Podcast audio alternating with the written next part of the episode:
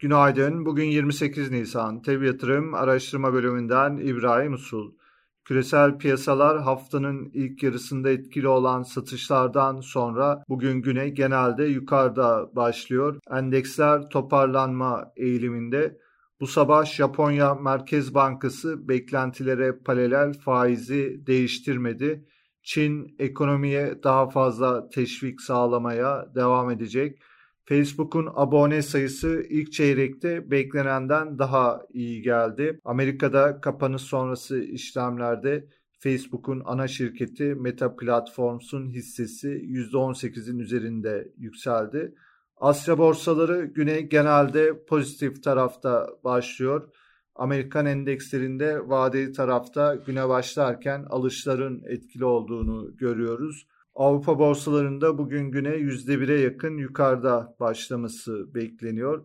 Fed'in 4 Mayıs'taki faiz kararı öncesinde dolar endeksinde yükseliş devam ediyor. Dolar endeksi 2020 zirvesinin üzerine çıktı. Son 5-6 yılın en yüksek seviyeleri test ediliyor.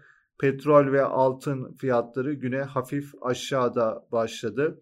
Amerika'da bugün ilk çeyrek büyüme rakamları gelecek. Amerikan ekonomisinin 2022 yılının ilk çeyreğinde %1.1 büyüme göstermesi bekleniyor. Ayrıca bugün Amazon, Apple, Intel, Twitter gibi şirketler ilk çeyrek sonuçlarını açıklayacak. İçeride Merkez Bankası enflasyon raporu takip edilecek. Bugün Tekfen, Türksel ve Türk Hava Yolları'nın ilk çeyrek sonuçlarını açıklaması bekleniyor. Borsa İstanbul tarafında ise Cuma gününden bu yana etkili olan satışlarda dün bir miktar durulma yaşandı. Bugün de Borsa İstanbul üzerinde satışlarda durulmanın sürmesini, piyasanın güne olumlu tarafta başlamasını bekliyoruz. BIST endeksinde son 2 aydır etkili olan yükselen hareket içinde 2640 seviyeleri ana direnç olarak takibimizde. Kısa vadeli göstergelere bakıldığında 2640 bölgesine yaklaştıkça son dönemde gözlenen zorlanmanın kısa vade için sürmesi beklenebilir. Bugünkü önemli desteklerimiz 2435 ve 2406 seviyelerinde bulunuyor. Aynı zamanda 2406 seviyesini kısa vadeli stop loss noktası olarak izliyoruz.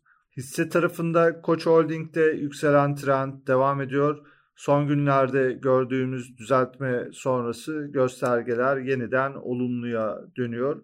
Teknik olarak Akbank, Bimaş, Kozaltın, Migros, Türk Hava Yolları, Vakıf Gayrimenkul, Vestel Elektronik hisselerinde göstergeleri olumlu yönde izliyoruz.